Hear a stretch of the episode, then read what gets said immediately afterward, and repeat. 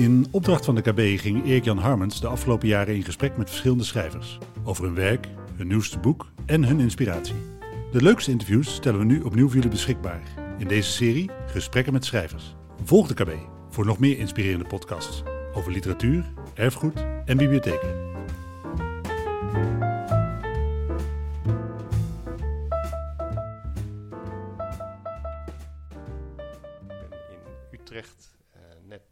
Een stukje buiten de binnenstad.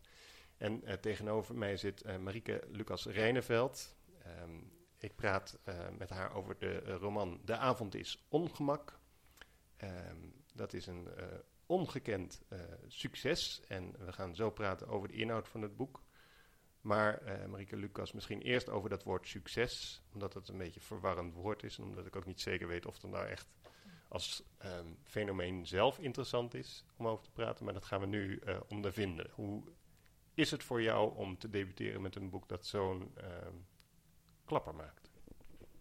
Ja, nou ja, je hoopt natuurlijk altijd als je, als je een boek schrijft dat het, dat het goed ontvangen wordt. En dat je, uh, je, je, hebt helemaal eigenlijk, je weet gewoon niet waar het heen gaat. En ik heb natuurlijk um, met Kalfsvlies, dat ging al heel goed. Uh, Kalfsvlies is je dicht, de, ja, debuut dichtbundel? Ja, dat is mijn uh, dichtbundel inderdaad. Die kwam uit in 2015. En ja, dat is natuurlijk een heel ander genre en daar heb je heel ander publiek voor. Een heel klein publiek eigenlijk, want er zijn maar weinig mensen helaas die, die, die poëzie lezen. Um, dus een roman is dan wel echt een, veel groter project. En um, je hoopt maar dat je dan een beetje dezelfde lezers kan behouden, of in ieder geval zo'n publiek kan aanspreken. Maar dit wat ik, wat ik nu eigenlijk is gebeurd, is dat het toch wel voor een veel groter publiek um, uh, beschikbaar is. En dat het.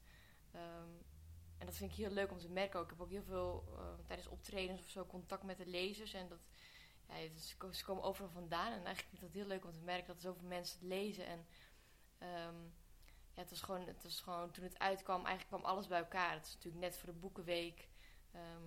de eruit door. Uh, allerlei dingen die, die, die het zo, die zo omhoog hielden. Dus daar ben ik wel heel, ja, daar ben ik echt heel tevreden over dat het zo is gegaan. En dat, dat maakt mede denk ik ook wel het succes. En dat, het, en dat veel mensen toch wel nieuwsgierig zijn naar... Um, um, nou, want het verhaal speelt zich af in een gereformeerd uh, boerengezin. En toch zijn best wel veel mensen daar nieuwsgierig naar. Om te, toch een beetje soort van inkijken wat eigenlijk uh, anders niet zo mogelijk is. Omdat ze best wel gesloten zijn en um, niet zo snel mensen toelaten. En eigenlijk heb ik dat met mijn roman wel een beetje gedaan. Uh, is dat moeilijk, omdat, je, uh, uh, omdat een gereformeerd boerengezin dus van nature gesloten is naar buiten toe? Jij zet die deur van die boerderij eigenlijk wagenwijd open.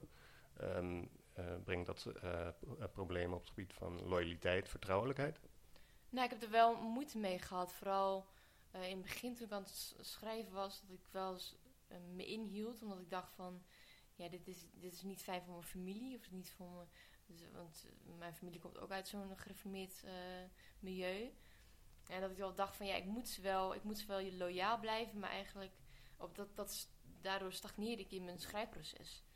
En toen heb ik erover gesproken met, met Lise Spit. En, um, en ik las het ook in, in het werk van Wolkers, wat, wat me heel erg aanspreekt.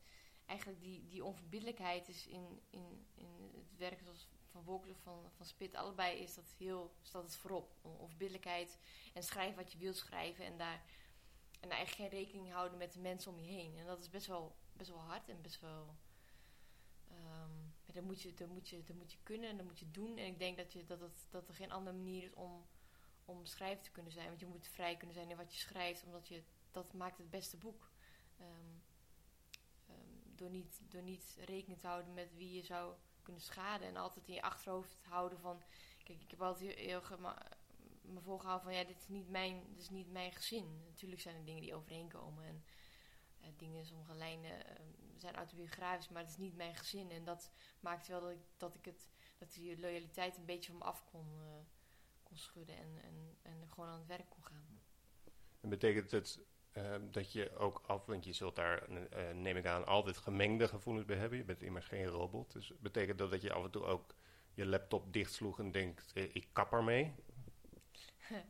ja, um, nou ik heb wel zo gewoon scènes gehad die ik dan echt weg heb gehaald. En die dan later weer inkwamen en weer weg heb gehaald. En dan, en dat ik toch dacht van ja, maar het, voor het verhaal is het zo nodig, maar ehm, ik weet wel wie ik ermee mee kwets. En dat was zelfs vorige week in een interview dat iemand ook vroeg van... ehm, hoe, hoe kon je dat je ouders aandoen?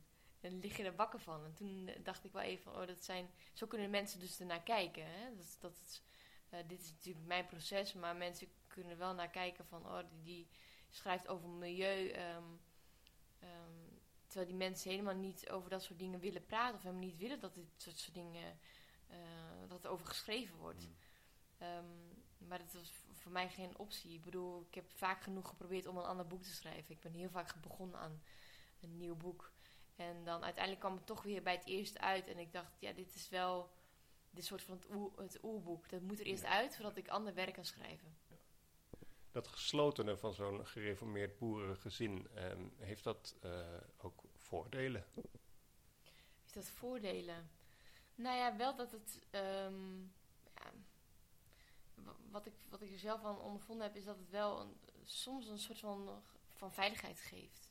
Van, het is natuurlijk wel een gemeenschap met elkaar. En eh, in die gemeenschap is het toch een beetje. Je, ja, je hoort bij elkaar en ehm, ehm, je, hebt, eh, je hebt allemaal hetzelfde doel eigenlijk.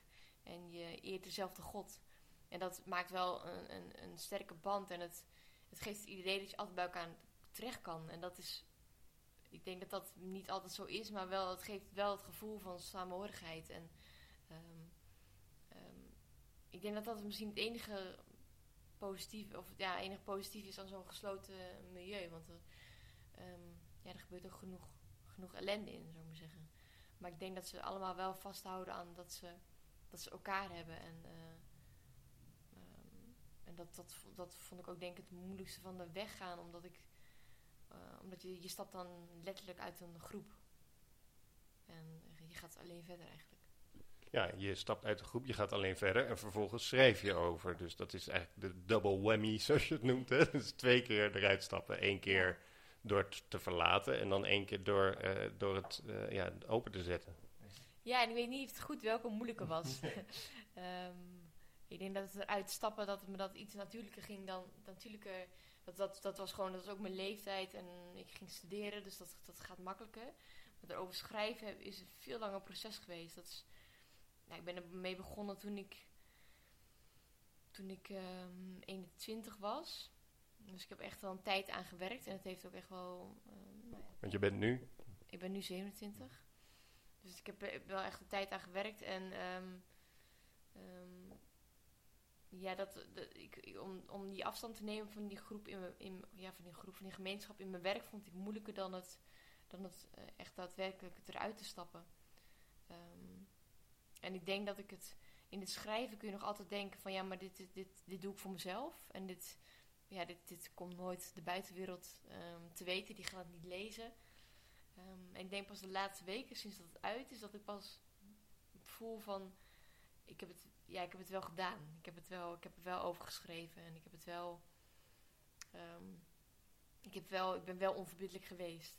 Ja. En dat, dat, ik, het is maar goed dat ik dat, eh, dat ik dat niet in het proces heb gevoeld. Want ik denk dat het me enorm had tegengehouden. eh, betekent het ook dat je dan nu gevoelens van eh, trots kunt eh, ehm, voelen over jezelf? Ehm, ja, over, over mezelf is altijd wel een beetje een lastig, lastig ding. Maar over, ik, over mijn werk wel. Hm. Ehm, ik, ik denk dat ik die twee dingen wel los van elkaar zie of zo. Dat maakt het soms misschien ook ingewikkeld. Maar ik, ik ben wel echt ben trots op dat het boek zo ehm, ja, geworden is hoe, hoe het nu is. Ik bedoel, ik ben heel slecht in dingen afronden. Dus dat ik, eh, bij, bij poëzie is het anders. Dan werk je, dat is toch best wel fragmentarisch. En dat, dat, is- werk je aan één iets en dat is af en dan ga je naar het volgende gedicht. Maar dit is echt, dit moet je met zoveel dingen eh, rekening houden. Met, met, dit, het moet een kop en een staart hebben. En het moet, je moet de lezer vanaf de eerste bladzijde geboeid houden. Mhm. Ehm, dus naast dat je gewoon een heel goed boek moet schrijven, moet het ook nog, moet het ook nog, goed, te le- moet ook nog goed te lezen zijn. En, en heb je allerlei bijna regeltjes waar je aan moet houden. Ehm, dus ja, dat, dat, dus, dus, maar ik ben, dus ben er heel trots op. En ik ben er trots op dat het, dat het zo goed is ontvangen. En dat ehm, boven alle verwachtingen, dat, dat, dat is enorm fijn. We eens naar het verhaal zelf toe? Uh, we zien daar een, uh, een, gezin met een vader en een moeder, uh, vier kinderen, Mathies, Obbe, Jas en Hanna. Mathies overlijdt. Ik neem aan dat dat goed is als ik dat vrijgeef als gegeven. Hè? Dat is wel bekend ook in een stuk in de krant. En vervolgens Jas, de hoofdpersoon van 12 jaar oud, die is ook in staat om dat gezin van bovenaf te bekijken. Bijna alsof ze naar, nou ja, in een uh, in een boerderij heb je meestal geen kroonluchter, maar ze stijgt als het ware naar een kroonluchter om dan naar dat gezin te bekijken. Zou je dat ook eens voor de lezer willen doen die het boek nog niet kent? Wat zie je als je van bovenaf naar dat gezin kijkt na het wegvallen van uh, Mathies? Ja, je, zie, je, ziet een gezin dat, dat um, eigenlijk ontwricht is. Um, nou, de, zoon die, niet, die niet, uh, op een dag niet terugkeert van schaatsen. En um, iedereen eigenlijk in, in verwarring achterlaat. En wat je ziet is dat iedereen een, een soort van uitweg zoekt om maar niet erover te hoeven te praten, om maar niet te hoeven voelen. Uh, die vader zegt soms ook nog wel eens van hij, hij komt nog wel terug. Uh, dat is natuurlijk echt, uh, dat, kun je natuurlijk eigenlijk niet zeggen, want iedereen weet dat het, dat het niet zo is, dat hij is, dat hij is gestorven. En Jas, de hoofdpersoon, is iemand die een enorme fantasie heeft. En, en dat is ook echt haar overlevingsstrategie om om alles wat er gebeurt, daar, daar fantaseert wel iets anders bij. En um, dat maakt dat ze, dat, ze, dat ze het redt. En dat ze, dat, ze de, ja, dat ze misschien wel om kan gaan met de dood. Um, maar het gezin is, is, is eigenlijk uit elkaar gevallen. En um, de ouders die houden zich niet meer bezig met de kinderen, maar vooral met zichzelf. En, en ook wel met God. ja, want God is eigenlijk iemand die, ja, God is iemand die geeft en die neemt dat maakt iemand heel, natuurlijk heel machtig. Um, en, en, en, en, Jas is eigenlijk um, een beetje, beetje bang voor God, omdat hij, zo, omdat hij ook zo groot is. En dat is eigenlijk, um, die ouders die schuiven een beetje een oude rol op hem af. Want nou, als je zorg hebt of wat dan ook, dan ga je naar God en niet, niet naar ons. En daardoor komen de verhoudingen met de kinderen ook komen best wel op scherp te staan, omdat omdat ze niemand hebben om naartoe te gaan. Dus, dus Hanna die wordt een beetje de grote zus eigenlijk in het gezin. En Obbe die, die, die, die uit zich vooral in agressie. En, um, en Jas is, is, de, ja, is, is de fantasieerder, is de, is de redder. En die, zou, die wil eigenlijk het gezin ook een beetje dragen. Ja. Zoals beginnen met die ouders. Ik heb uh, uh, met mijn verontschuldigingen erbij uh, wat haakjes in je boek geschreven. Maar aan jou de vraag om een klein fragment uit het boek voor te lezen. Om even iets over de rol van de ouders te kunnen zeggen. Ja. Hoe onze ouders elkaar hebben gevonden blijft een raadsel. Vader kan namelijk niet zoeken. Als hij iets kwijt is, zit het meestal in zijn zak. En als hij boodschappen moet doen, komt hij altijd met iets anders terug dan wat op het lijstje stond. Moeder is het verkeerde pak yoghurt, maar waar hij genoegen mee heeft genomen en zij andersom ook. Ze hebben ons nooit verteld over hun eerste ontmoeting. Moeder vindt het daardoor daarvoor nooit het goede moment. Goede momenten hebben we hier zelden. En als we ze hebben, zien we ze pas achteraf. Ik vermoed dat het precies zo is gegaan als bij de koeien. Dat op een dag opa en oma mijn moeders slaapkamerdeur openden en ze mijn vader als een stier bij haar hebben gezet. Daarna sloot ze de deur en voilà, we waren er. Vanaf die dag noemt vader haar vrouw en noemt moeder en man. Op goede dagen vrouwtje en mannetje. Moeder is het verkeerde pak yoghurt en uh, andersom ook. en ik zat me eigenlijk de hele tijd af te vragen, um, op het moment dat zij hun zoon niet zouden hebben verloren, um, zou hun huwelijk dan beter zijn verlopen? Ja, dat is een goede vraag.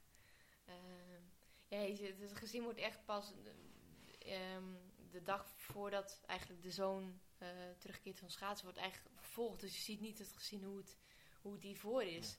Um, maar wat ik wel weet is dat, dat zo'n groot verlies natuurlijk enorm indruk maakt op een, op een gezin. En um, um, dat, dat, dat, de rouw die, die, er dan is, die, die trekt overal in. En die kan je alleen maar uh, doorleven als je, er, als je er doorheen gaat. En als je erover praat of dat je deelt of wat. Of, of, of wat dan ook voor, of je gaat hardlopen, je zoekt in ieder geval een uitingsweg. En dat doen zij niet.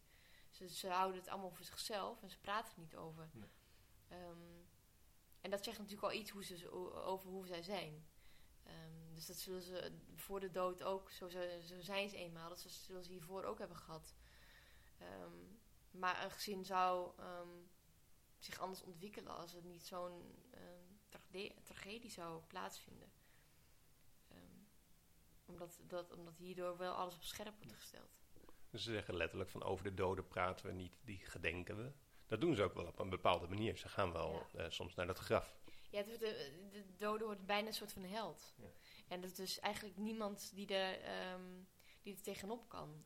En die kinderen proberen wel hun best te doen voor ouders. En, en, en die willen natuurlijk op iedere manier gezien worden. En dat maakt ook dat ze, dat ze ehm, dingen doen die ze misschien eigenlijk liever niet zouden willen doen. Zoals het doden van dieren. Ehm. en dat is natuurlijk eh, dat is aan de ene kant is dat een manier om de dood te begrijpen, om te kunnen zien van waar de broer is. Hè, van, alsof de dood een soort van personage is die je kan ontmoeten. Um, en een andere manier is denk ik ook wel een soort van schreeuw om hulp of zo. Van, um, ja, zie, zie ons. Mhm. En dat is, dat is, um, ja, dat is, wat, dat is wat ontbreekt. Uh, Jas zelf uh, verbergt haar hart. Ehm, achter een jas, letterlijk, uh, achter uh, huid en achter ribben. Nou, die huid en die ribben heb je van nature, maar die jas, dat is nog een soort uh, extra harnas dat ze om, om, heeft. Ja, nou ja, jas is, is, um, is tien als ze de jas niet meer uitdoet. En dat is ook, is na, echt na de dood van de broer. En dat is, jas is heel bang om ziek te worden. Eigenlijk bang om zelf te dood te gaan. Um, misschien om controleverlies. Um, daarom wil ze bijvoorbeeld ook niet meer, uh, niet meer poepen. Um, want het poepen is, uh, als kinderen dat niet meer doen, dan is het een soort, ook een soort van um, loslatingsangst. Mm. en dus zij houdt het op. en die jas, ja, die jas die beschermt haar tegen alles. En een soort van kokon die, uh, waar ze liever niet uit wil, omdat ze dan de kans loopt dat, dat er iets, dat er iets, um, iets gebeurt. Dat, dat er ziekte, ziekte als bacteriën in, uh, ja, bacteriën in, haar, in haar komen. En, en, en dat wil ze voorkomen. En dus houdt ze die jas aan. En eigenlijk ook is niemand, is niemand die echt zegt van ja, um, waar, zou die jas niets uitdoen? Of, of um, ja, op een gegeven moment komt wel de buurvrouw, buurvrouw Lien, die komt op een gegeven moment wel, die heeft wel iets door. De veearts heeft wel iets door. Maar het zijn allemaal mensen die toch op een beetje op de achtergrond blijven. En, um, omdat het, ja, is, kijk, in het dorp, iedereen kent elkaar wel, maar um, zelden weet men echt waar men mee zit. Hmm. En dat, dat zie je in dit, in dit dorp ook heel goed. Ik zat te denken, want in Kalsvlies zit ook um, uh, een, een, zin. Uh, toen ik negen, zo begint het gedicht waterbestendig. Toen ik negen was, hield ik de hele dag mijn jas aan. Waarom lach je? ja, is, ja, ik vind het wel grappig dat het al, um, um, dat het al in mijn gedicht zit eigenlijk. En dat het...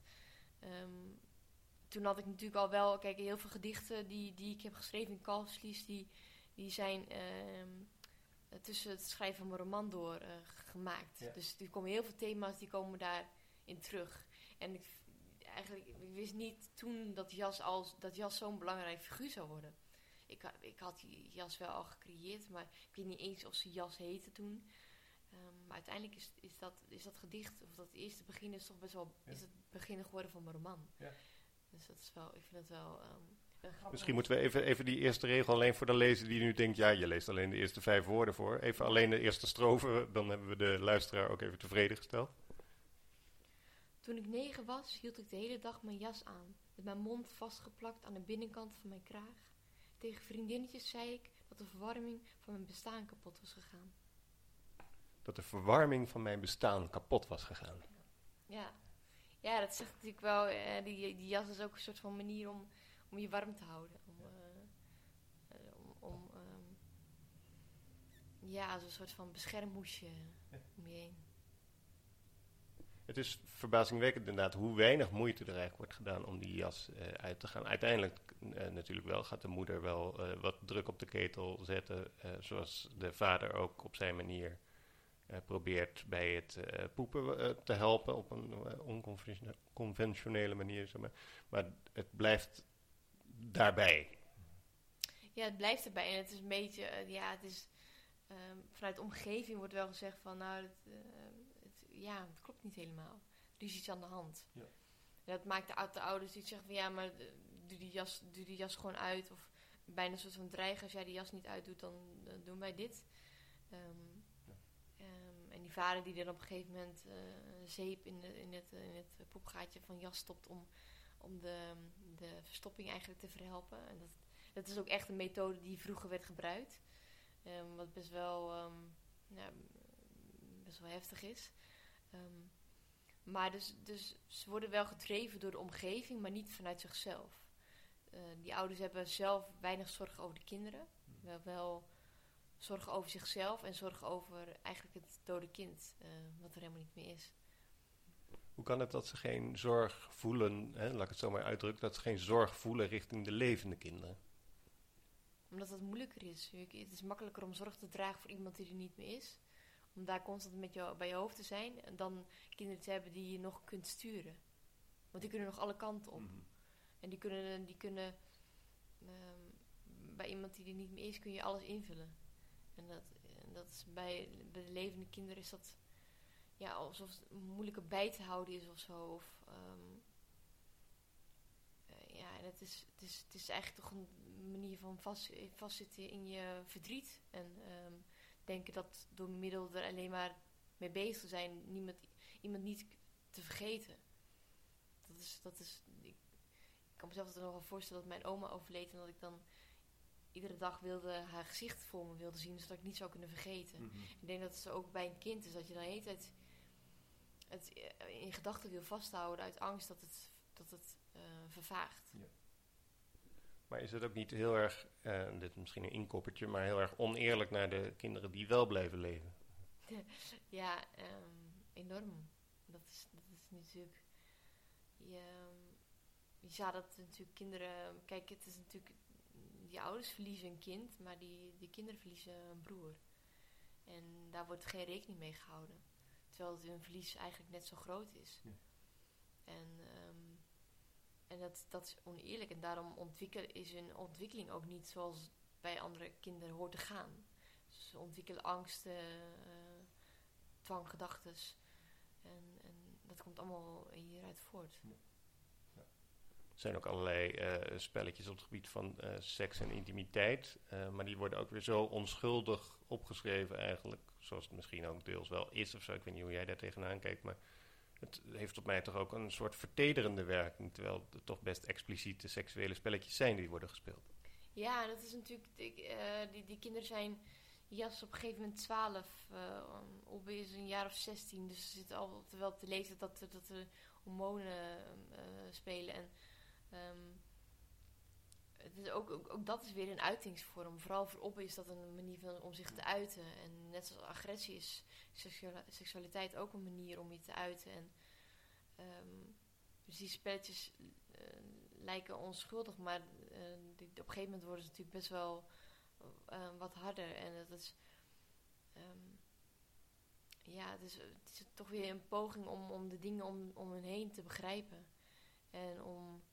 ehm, ik denk ook wel om dicht bij elkaar te, te kunnen zijn en dat.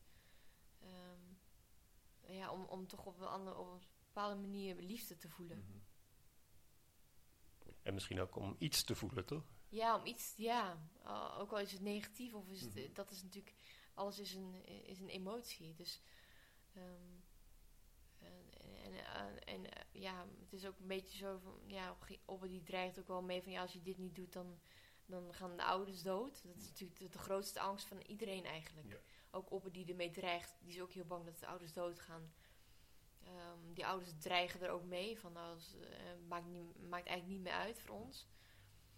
Ehm, met die angst, als je die, die constante angst hebt, dan is het heel moeilijk om daarmee, ehm, ja, om daarmee overweg te, te, te gaan. Eh, op het moment dat eh, de zoon eh, van hem wordt afgenomen, zou je kunnen zeggen dat de vader dan nog zegt: de Heer geeft en de Heer neemt.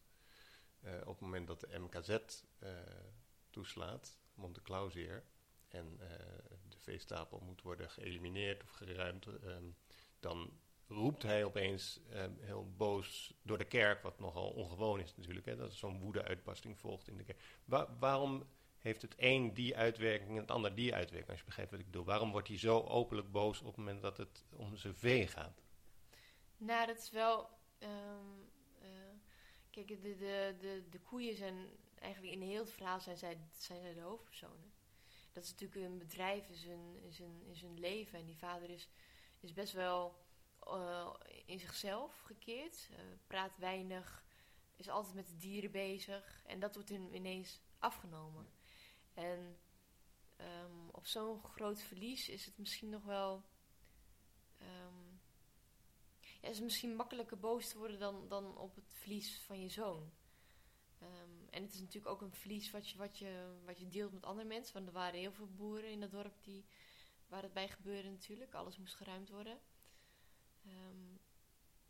Maar je ziet dat het, het, wat het jammer daaraan is eigenlijk dat, dat er gebeurt weer zo'n groot verlies. En um, ook dat maakt niet dat ze naar, naar elkaar toe groeien. Ook dat zorgt ervoor dat ze uit elkaar groeien. Terwijl je zou ook kunnen denken van dat, dat um, schept een band en je, je, gaat er samen voor en je, en je gaat door. En, um, en dat, dat, dat gebeurt eigenlijk niet. Op een gegeven moment komt wel in het boek ook, is er sprake van een nieuwe veestapel. En dat is eigenlijk een nieuw begin. En dan zie je eigenlijk dat die jas die constant dat verlies heeft uh, gedragen en die wel de rouw van de ouders ook wel, die kan op een gegeven moment niet meer verder. Terwijl je zou denken van nou, nou die feesthaven komt, hè, alles komt weer goed. Ja, dat is natuurlijk een enorm verlies, maar um, ja, ze hebben in ieder geval het bedrijf weer, dat in ieder geval, want je, want je moet niet vergissen dat zo'n bedrijf het hele, een heel dagelijks bestaan in, in bezit neemt. Ik bedoel, ze staan om vijf uur op en je gaat s'avonds om een uur of negen ga je naar bed of, of ga je, of, of, kom je weer binnen. Um, dat is zo'n, als dat in één keer weg is, dan hou je niets meer over. Um, en misschien is dan, is dan, komt het verlies misschien nog wel harder aan. Um, dus dat is eigenlijk wat, wat, wat er gebeurt. Uh, maar waarom denk je dat ze dat dan juist dan, ik bedoel, want ze zijn hun zoon kwijt, dan zijn ze ook hun hele, uh, nee, dus niet alleen maar hun bedrijf kwijt, zoals je zegt, maar eigenlijk hun hele dagelijkse bezigheid is ook kwijt. In dat diepst van het donker, uh, waarom kunnen ze op dat moment niet uh, ja, elkaar aanraken, de hand schudden en zeggen van, we zijn nu zo down, we zijn nu zo op de bodem, nu hebben we elkaar nog. Ja, dat is, uh, ja, dat zit niet in, in, de, in de natuur. Je ziet ook in het boek, ze raken elkaar eigenlijk hmm. helemaal niet aan. Er wordt niet geknuffeld. Um, is weinig intimiteit. En dat is natuurlijk, um, ja, dat komt ook wel, dat komt door, eigenlijk door het geloof ook wel. Omdat dat, dat is degene die je volledig vertrouwt. En dat is degene die je, die je nou ja, op een spirituele manier mag aanraken. En, en, en, en dat is niet bij elkaar. En, um, en dat maakt die kinderen ook zo in sommige delen of sommige dingen maakt dat ze heel hard. En die ouders maken ze dat ook heel hard, omdat ze. Kijk, die ouders, je moet niet vergeten dat zij, zij komen ook ergens vandaan. Dus die ouders hebben dat waarschijnlijk net zo geleerd. En die geven dat door aan hun kinderen. En het is gewoon een, een, een, een gebrek dat ze niet weten hoe het moet. Ze weten niet hoe ze moeten omhelzen. En Jas is daar, die fantaseert erover. Die heeft een duwtje blok als moederfiguur. Mm. En iemand die, waar ze heel erg tegen opkijkt, omdat hij altijd hetzelfde blijft en constant is. En um, die zorgt er altijd voor dat alles goed komt met de pieten. Dus dat zal, dat zal in het leven dan ook wel zo zijn. En um, die, verlangt naar, andere, andere, naar een moeder eigenlijk. Iemand die, die wel knuffelt en die wel um, haar ziet. Ik moet opeens denken aan mijn, uh, aan mijn moeder, die, um, aan wie ik onlangs vroeg van, uh, heb je wel eens met je vader, mijn opa is al heel lang dood, maar zei ik, heb je wel eens met je vader daarover gesproken? Toen zei ze, nee, nee, we hebben eigenlijk nooit gesproken. En toen dacht ik, nou, ze hebben in een bepaalde periode nooit gesproken. Maar zij zei, mijn moeder zei dus, dat ze nog nooit in haar hele leven überhaupt een gesprek met haar vader heeft gevoerd. En dat dat ook vrij gebruikelijk was in gezinnen, ook in een dorpje, een vissersdorpje in dit geval, maar dat het heel gebruikelijk was uh, dat je als dochter helemaal niet met je vader überhaupt sprak. Nee, ik denk dat dat. Ja, ik, ik ben er de laatste tijd ook een beetje aan het over nadenken. Dat ik echt. eh, ehm, dat komt echt door het milieu waar, waar, waar je dan vandaan komt. En ook nog een beetje, het is ook een beetje van de oude stempel. Dat dat, kijk, in moderne families gaat het dan nu, is dat veel anders. Volgens mij las ik pas nog een artikel over dat, dat, dat de, de moderne ouders het best wel goed doen. Hmm. Eh, omdat je, ze lezen natuurlijk veel over wat kinderen nodig hebben en wat, wat. En dat was vroeger veel minder. Ik denk dat dat ook wel bekend was, maar ehm, er werd, werd gewoon eh, weinig gepraat. En terwijl de problemen waren, er, net zoals dat ze nu zijn, waren ze er ook. Ja. Ehm, maar en, en er zijn de, de banden tussen. Kijk, Jas is natuurlijk is een meisje, dus dan heb je ook een andere band met je vader. Ehm, eh, maar met de moeder is, is, missen die eigenlijk ook. En die moeder heeft natuurlijk ook de, de, dingen, eh, de dingen meegemaakt. Maar ik denk dat het echt met het milieu ehm, te maken heeft. En ehm, als ik om me heen zie bij vriendinnen, dan zie ik ook wel dat hun gezinnen anders zijn dan, dan het mijn, mijn gezin bijvoorbeeld. Kun je dat dan eh, ehm, achteraf dan nog leren?